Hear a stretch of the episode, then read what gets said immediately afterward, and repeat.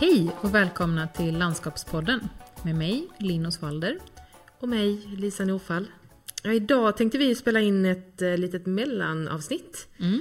Som ett eh, avbrott mellan första och andra delen av eh, den här byggprocessserien. Och vi tänkte att vi skulle prata lite om hur det är att jobba som lärare på universitetet. Ja. Utifrån vår egen bild av det och hur det funkar här på SLU. Mm. Och sen kommer vi fortsätta med den här byggprocessserien. Och då tittar vi på program och idéskedet. Ja, och som du nämnde så tänker vi då idag prata om läraryrket på universitetet. Eller adjunkt som det då lite fint heter. Eh, och du och jag, vi är ju liksom inga pedagoger. Vi har ju ingen sådan bakgrund. Och eh, därför tänker vi att det kan vara bra att förklara lite hur man eh, får en sån här typ av tjänst helt enkelt och vad den innebär. För vi brukar få en hel del frågor om det här och vad en adjunkt egentligen är och vad vi gör. Eh, Så jag tänkte att vi kan ju börja med en liten faktaruta om olika begrepp här, vad, det, vad de betyder helt enkelt. Absolut. Så att om vi börjar då med universitetsadjunkt så är det då en, en befattning som man kan ha som egentligen är likställt med att, att man är lärare, att man undervisar eh, då på eh, de lägre eh, nivåerna på universitetet, alltså på grund och masterutbildningarna eller på de eh, nivåerna. Och det som krävs för att ha en sån här typ av tjänst är ju oftast då att man har en magister eller masterexamen med sig. Eh, och även önskvärt då att man har viss pedagogisk skicklighet. Eh, på vissa lärosäten kan det säkert också vara krav på att man har pedagogisk erfarenhet på något sätt eller någon sådan utbildning. Men det skiljer sig ganska mycket åt mellan eh, lärosäten helt enkelt. Eh, så att fokus är undervisning, men det ska också ingå eh, viss tid och möjlighet till forskning inom tjänsten i många fall. Så att en adjunkt är ju vanligtvis inte disputerad, alltså att man inte har avlagt en eh, doktorsavhandling. Utan eh, man kan, precis som du och jag då, komma från yrkeslivet eh, där vi har med oss erfarenhet inom vårt speciella ämnesområde. Och vi har med oss vår masterutbildning och ett intresse och engagemang för pedagogik. Det är egentligen det som, som krävs för adjunkt här på SLU på vår institution. Just det. Och i många fall för att jobba som adjunkt så är ju den största kompetensen att man har med sig en väldigt lång erfarenhet från, eh, från sitt ämnesområde inom yrkeslivet helt enkelt. Men hur lång den erfarenheten behöver vara skiljer sig också då från, från tjänst till tjänst. Eh, och hos oss är det ju så att även om man inte har med sig en pedagogisk utbildning när man kommer in i det här så eh, uppmuntras vi att utbilda oss eh, i tjänsten. Och det var ju bland annat på en sån utbildning som vi började prata om Landskapspodden när vi gick den så kallade pedagogiska grundkursen här på SLU. Och då är det ju pedagogiska utbildningar som eh, universitetet själv tillhandahåller till oss. Och eh, till exempel för att eh, få sätta betyg eller vara examinator, då måste man ha gått en särskild betygskurs. Och det är ju ganska viktiga beslut och det är viktigt att de tas på ett rättssäkert sätt. De här pedagogiska kurserna är också upplagda för att vi ska kunna göra dem vid sidan av vårt arbete. Så oftast är det mycket självstudier och sen träffas vi intensivt under ett par dagar och arbetar tillsammans med andra lärare och forskare. Ja, och om vi fortsätter framåt med lite fler begrepp. Lektor eller universitetslektor. Som ju också är då en, en lärartjänst inom universitetet eller högskolan. Eh, och då har man oftast en, en doktorexamen. Eh, att man då har, har disputerat och man har sen då sökt en, eh, en tjänst som lektor. Och den här tjänsten i många fall, eller i regel, så kombineras den då med eh, forskningsarbete, så att det både ingår undervisning och forskning. Men vad som är huvudfokus beror ju lite på, eh, på den specifika tjänsten helt enkelt och inom det, det ämnet. Eh, och lektorer kan då arbeta både med forskning och undervisning och inom vissa ämnesområden också handleda doktorander och så. Eh, men som sagt, även det skiljer sig mycket åt. Mm. Och sen har vi också de personer som arbetar mer främst med forskning, alltså att de är forskare. Men de kan vi också stöta på i undervisningssammanhangen. För att i en forskartjänst så ingår det väldigt ofta också undervisningsarbeten. Och inom forskar Eh, yrket kan man säga finns det ju många olika karriärsteg helt enkelt från att man är doktorand till att man kan bli eh, docent och professor. Och med en forskare så avses då eh, en person som bedriver vetenskapliga studier med målsättning att få fram nya kunskaper. Och huvuduppgiften där är då oftast forskning men även utbildning och handledning av doktorander. Nu pratar vi mycket om hur forskning och olika nivåer av utbildning kan vara meriterande. Mm. Och hos oss så kan det också vara så att man blir lektor eller eh, professor på konstnärlig grund, alltså på konstnärliga meriter. Ja, så man kan ju säga att det finns lite två, två linjer eh, beroende på om man fokuserar på undervisning eller om man fokuserar på eh, forskning. Alltså adjunkt och lektor är ju lärartitlar kan man säga då, som vi har inom eh, universitetet, medan man inom forskningslinjen då har lite andra titlar. Men allt det här går ju väldigt mycket samman och ihop och alla arbetar ju helt enkelt då både med undervisning, forskning och faktiskt även den tredje uppgiften som vi ju alla som jobbar inom universitetet har. Och med den tredje uppgiften, vad betyder det Lisa? Ja men det är ju att vi eh, har som uppgift att informera samhället om mm. det vi jobbar med och det vi kommer fram till. Så det ingår i alla våra tjänster att jobba med information ut i samhället. Mm. Precis, och det är lite våran tanke med den här podden ju. Att vi ska nå ut till, till allmänheten och till samhället och faktiskt ja, men både prata utifrån undervisningsfrågor men också ta upp forskning och så vidare. Precis. Mm. Ja, så det var lite snabbt en faktaruta helt enkelt med lite begrepp.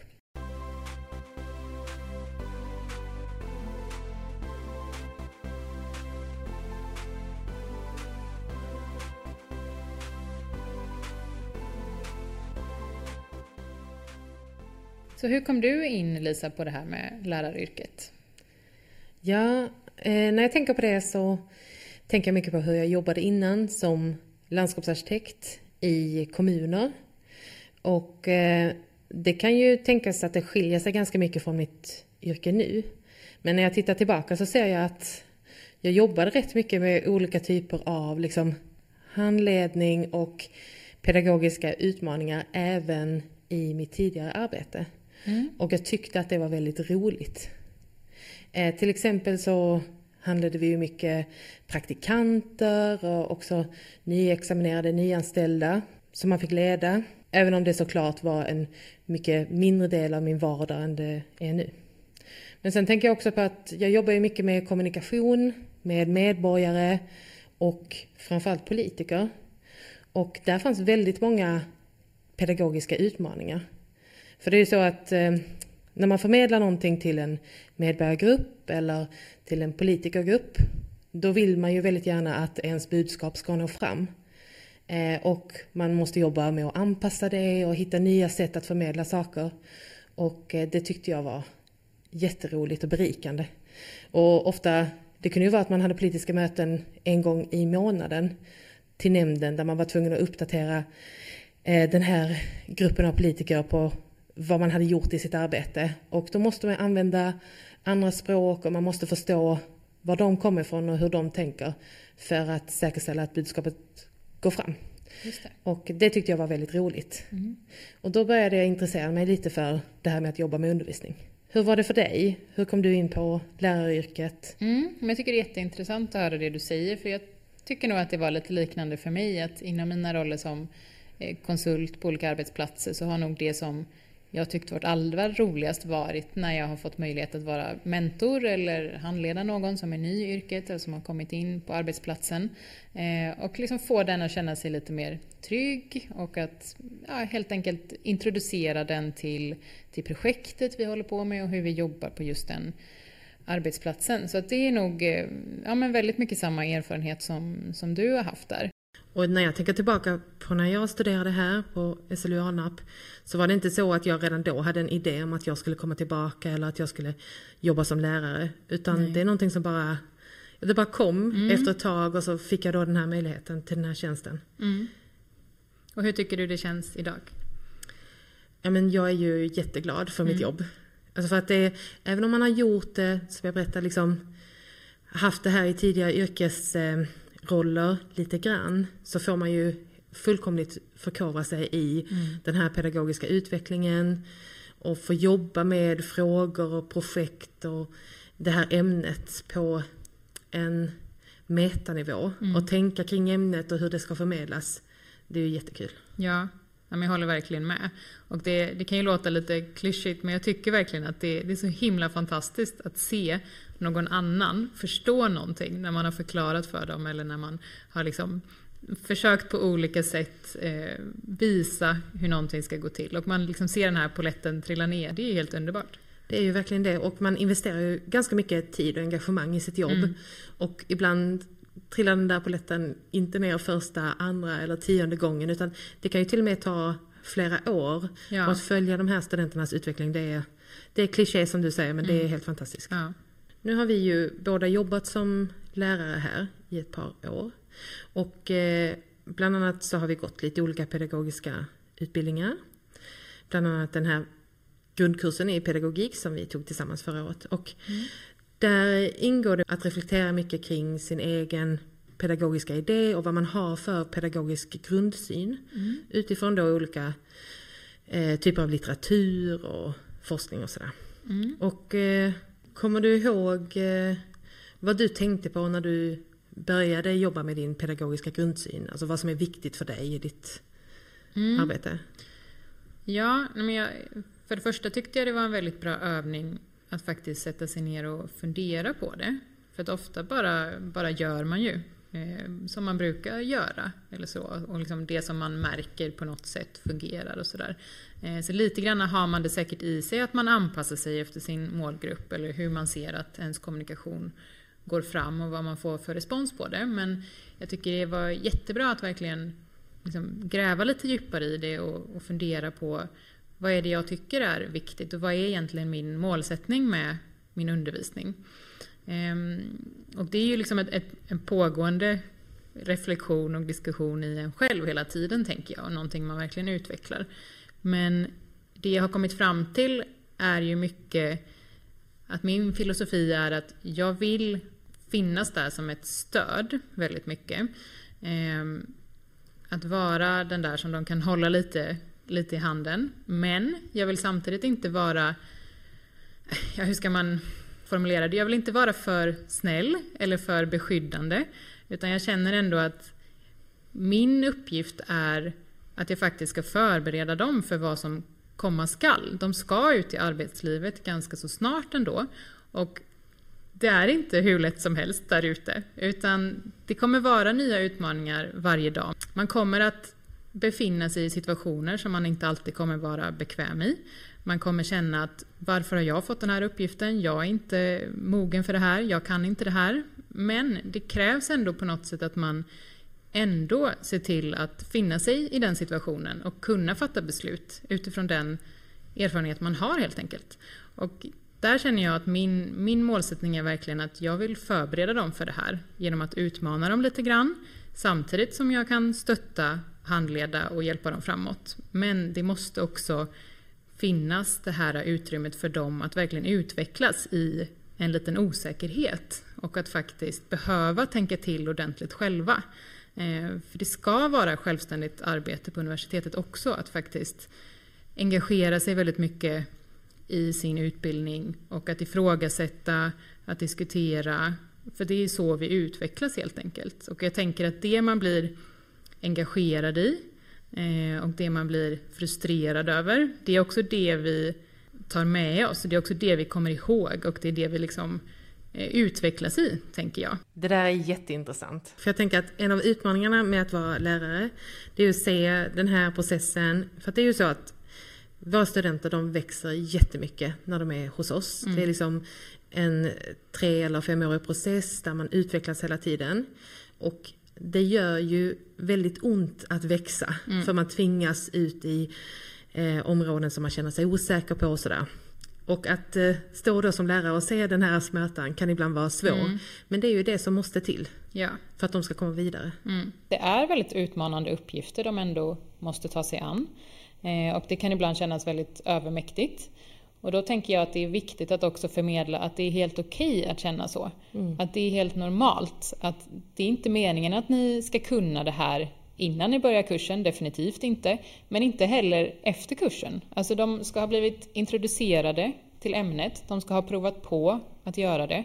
Men de kommer inte kunna bli fullärda på den här kursen. I mina kurser där de jobbar med markprojektering eh, så är det jättemånga delar i det. Och de, det är inte meningen att de ska kunna allt till 100% utan det är liksom en lärprocess som fortsätter långt efter kursen, som kommer fortsätta in i arbetslivet och under hela arbetslivet egentligen. Att hela tiden utvecklas i det här.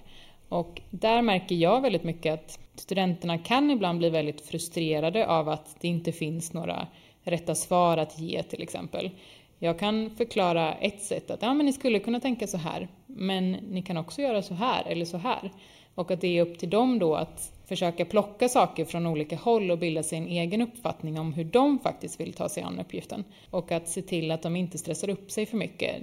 Det tycker jag är väldigt viktigt. Och att försöka fokusera på att det är helt okej okay att det känns frustrerande. För det kommer det också göra när ni är ute och arbetar i projekt, då är det pressade tidsplaner, det är ekonomi och så vidare. Och det måste vi på något sätt lära oss att hantera så att vi kan finna någon form av harmoni i vårt arbete ändå. För att vi faktiskt kan kontrollera de här faktorerna på något sätt.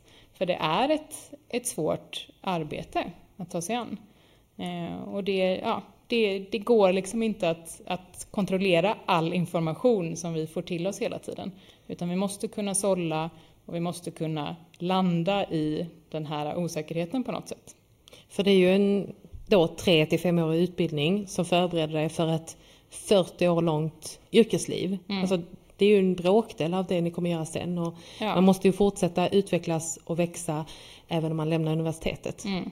Och det är mycket det då ja. vi skickar med dem. Ja men verkligen, för det är ju inte så att bara för att vi har tagit ut en examen som landskapsarkitekt eller landskapsingenjör så betyder inte det att vi är fullärda. Utan det är ju bara egentligen startlinjen för det här långa loppet som är arbetslivet. Som kanske knappt ens har en mållinje, tänker jag. Framförallt inte förrän du kommer till pension, men kanske inte ens efter det. Utan vi lär oss någonting hela tiden och utvecklas. Och våran bransch är ju i ständig rörelse och i ständig utveckling. Och det är inte så att bara för att vi står här som lärare så kan vi allting. Utan jag lär mig jättemycket från mina studenter också som kommer in med nya perspektiv från kanske någon tidigare kurs de precis har haft som har utvecklats väldigt mycket sedan vi gick den till exempel. Eh, så det är ju en, ett ständigt informationsutbyte också. Hur tänker du Lisa? Vad var din pedagogiska grundsyn? Ja, men jag fick framförallt syn på eh, lite olika så här, grundpelare i det jag gör. Och eh, en sak var att jag tänkte att alltså, läraryrket, det handlar ju om att, precis som du säger, förmedla olika typer av information och den kan skilja sig. Men att i huvudsak handlar det om att se den individuella studenten och var den befinner sig idag och gå liksom möta den på den punkten där den befinner sig och hämta hem den till den punkten vi ska till. Mm. Och den där punkten som man befinner sig vid, den skiljer sig från student till student. Och vissa är väldigt långt fram och vissa är väldigt långt bak. Men det är min uppgift som lärare att identifiera vad de är och liksom möta dem där de är just nu. Och i det kan man också tänka att en av huvudsysselsättningarna som vi lärare jobbar med det är ju faktiskt att inspirera och locka till lärande. Alltså man kan aldrig tvinga någon att lära sig någonting eller eh, trycka på någon information utan det handlar om att locka den och låta den komma till oss. Mm. Och eh, jag tror också att jag tänkte mycket på hur själva lärandet, lärandeprocessen, mm. den pågår ju faktiskt i den individuella människan. Mm. Jag måste låta det finnas tid för dem att liksom hämta in informationen och lagra den. Och att man ibland som lärare måste backa i allt det där och inte bara mm. fylla på med hur mycket som helst. Nej, nej men verkligen. Och eh, jag tror också att läraryrket handlar väldigt mycket om att utveckla verktyg medan man jobbar. Alltså att det finns ju massa bra litteratur och forskning och metoder som man kan hämta inspiration av. Men att det är väldigt mycket försök och se om det lyckas eller misslyckas och mm. göra om och testa och justera olika upplägg. Mm. Eh, och att det är också det som är en av de här kittlande utmaningarna. Att man hela tiden får liksom, ja men vi kommer på ett lite annorlunda sätt och identifiera vad är problemet, vad är det vi vill att de ska förstå och så vänder man på den kakan och gör liksom en pedagogisk lek av det. Mm. Och det handlar ju mycket också om att träffas lärare emellan såklart. Ja. Och höra, okej Oh, ni ja. gjorde så och vi gjorde så och vad Mm. gav det för resultat? Ja, precis. Och sen även också att, tycker jag det är jättespännande att se till en, en studentgrupp, hur de fungerar och att hur just den här specifika gruppen, eh, vad den består av för individer. Och det kanske är att 80% av dem eh, så fungerar det här pedagogiska taget som jag har tänkt i kursen jättebra. Men det är ett par stycken som inte kan ta till sig det på det sättet. Och då måste jag som lärare också kunna vara flexibel i att fundera, okej, hur ska jag kunna förklara eller visa det här på, på ett annat sätt? För att faktiskt även de här individerna ska kunna ta till sig det på bästa sätt. Så där har jag verkligen, det, det är ju en jättespännande och väldigt rolig och kreativ del av yrket också. Att vi måste hela tiden vara, vara flexibla och se till just den här gruppen vi har framför oss. För det kan ju variera jättemycket från år till år. Absolut, och en lärares främsta uppgift är ju att få studenten att nå lärandemålet. Ja, Och den vägen ser olika ut för olika studenter. ja. Precis, så det handlar ju inte om att vi ska använda det verktyget som vi är mest bekväma i, eller så, som vi tycker att men så här hade jag lärt mig bäst, utan vi måste hela tiden se till, till de vi har framför oss. Och vårt mål, som du säger, är ju verkligen att alla ska kunna uppnå de här målen som är satta för, för kursen och att de ska få med sig den informationen på något sätt. Och en del av vårt yrke handlar ju faktiskt också mycket om att utveckla de utbildningar som vi jobbar på. Eh, och det är ju också ganska oundvikligt att det blir så att när vi är kursansvariga för en viss kurs så bestämmer vi ju ganska mycket om hur det kursupplägget ska se ut. Och undermedvetet gör vi också mycket saker utifrån egna erfarenheter eh, om vad det är vi vill lägga in i kursen och så vidare. Eh, och det är ju väldigt intressant just det här utvecklingsarbetet av programmen. Och det finns ju lite två sätt där att, att se på som är en väldigt intressant diskussion. Om det är så att vi ska leverera studenter som har kompetens som efterfrågas på marknaden. Eller om det är så att vi ska leverera studenter med en kompetens som vi anser att de bör ha för att det ska nå ut till marknaden. Och det där finns ju kanske inget lätt svar på i vilken riktning man ska gå eller om det här ska finnas en, en blandning och så vidare. Men det är ju en jätte, jätteintressant diskussion och att, att liksom nätverka också både inom universitetet, bland oss lärare, men också att hela tiden ha kontakt med industrin och med, med alla möjliga aktörer där ute som vi faktiskt kommer ha som potentiella samarbetspartners inom yrkena eller som kollegor och så vidare. Just för att hitta någon form av, av liksom sammanhållning kring de här äh, yrkena och vad är egentligen det som är specifikt för en landskapsarkitekt och vad är specifikt för en landskapsingenjör till exempel då. Eh, det, ja, det är väldigt, väldigt komplext men också extremt intressant. Och jag tror att vi är ganska duktiga på att lyssna ut till marknaden. För Mm. att särskilt eftersom vi har yrkesutbildningar så är det ju väldigt viktigt att vi levererar studenter som passar in i en marknad. Mm. Men sen tycker jag också att det är jätteviktigt att vi som universitet kan ta ett ansvar att eh, berätta för marknaden vad vi tycker Mm. att de behöver också. Helt klart.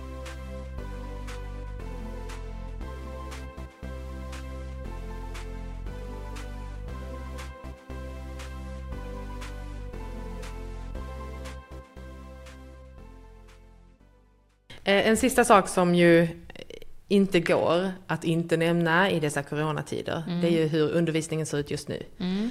Med distansundervisning och att vi jobbar med fysisk distansering. Mm. Och det är ju så att det är ju inte bara att vi inte vill klämma ihop massa människor här på vårt campus och i våra lokaler, utan det handlar också om att vi har ett ansvar att inte tvinga folk ut i kollektivtrafiken och trängas där. Mm. Men jag har, här i handen har jag septembernumret av Arkitekten. Ja, är det en spaning nu då? Det är lite av en spaning det här. Eh, på sidan 14, nyheter, Mm. så ser jag en bild på vår prefekt här på SLU Alnarp, Ingrid, och vår prefekt eh, på Stad och land i Ultuna, Mm. Lars Johansson. Och det här handlar om att eh, skolorna öppnade då i september i samband med kursstarten med både närvaro och distans. Mm. Och eh, här kan man läsa lite om vad eh, arkitektstudenterna tycker och hur det ser ut på de olika lärosätena. Mm. Och det är ju så att vi, vi har främst distansundervisning nu. Mm. Och då är det ju i princip att vi gör saker som hemuppgifter eller via videokonferens. Mm. Men vi låter också studenter komma hit på campus under då smittsäkra förhållanden. Mm. Mm. Och bland annat så har vi liksom anpassat köken och nu under den lite varmare perioden har det funnits möjlighet att sitta ute. Ja. Och sen i alla fall på SLU så har vi ju jobbat med att prioritera de första årskurserna, alltså de som börjar på ett helt nytt program, att de ska få komma och vara här lite mer än de andra studenterna som kanske känner varandra bättre. Mm. Tycker vi att det är roligt att jobba med distansundervisning? Ja. Alltså från början så kändes det ju katastrofalt. Att det var, nej men hur ska det här gå? Och just att inte ha den där äh, sociala eh, relationen med studenterna, att träffa dem varje dag, kunna prata och så vidare. Och också för deras skull, att faktiskt ha den här sammanhållningen och, och träffas och, och hjälpa varandra och så vidare. Eh, men jag tycker ändå att man har hört att det har varit ganska mycket positivt också. Både att jag har hört det från studenter som tycker att det är ganska skönt att kunna sitta hemma ostört och arbeta, i alla fall med vissa uppgifter de har. Eh, Men också att det på många sätt kan fungera bra för oss lärare också, med, med en hel del mer distansundervisning. Jag tänker att det är väldigt ämnesberoende, eh, men att det faktiskt också har kommit upp att vissa saker, kanske till och med sånt man skulle fortsätta med att göra på distans. Eh, Just för att det, det blev liksom ett litet extra sätt att, eh, att kunna samla information, att spela in till exempel när man har en CAD-genomgång eh, så att man kan titta på den igen och sådär. Eh, så att det är inte bara negativt. Men, eh, men visserligen, det är, det är mycket som har varit stora utmaningar i att få det att fungera och bli lika kvalitativt som tidigare. Jag håller absolut med dig om att vi har eh, tvingats att testa nya tekniker som faktiskt har visat sig funka jättebra och som Mm. vi kommer att fortsätta med. Och jag tror att den stora chocken var ju, vi har ju en undervisning som där vi är väldigt mycket tillsammans med studenterna. Mm. Jättemycket handledning, vi är tillsammans med dem i studion och på sal och det har ju blivit helt annorlunda. Mm. Eh, Men jag tänker att det funkar ändå överlag bra och det är en begränsad tid. Mm. Vi håller i och vi håller ut. Så är det.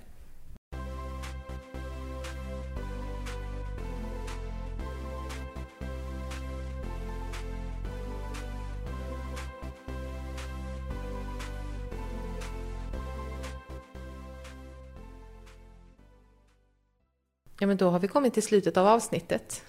Och eh, vi har ju redan berättat vad vi kommer spela in nästa vecka, alltså vår andra del i byggprocessen.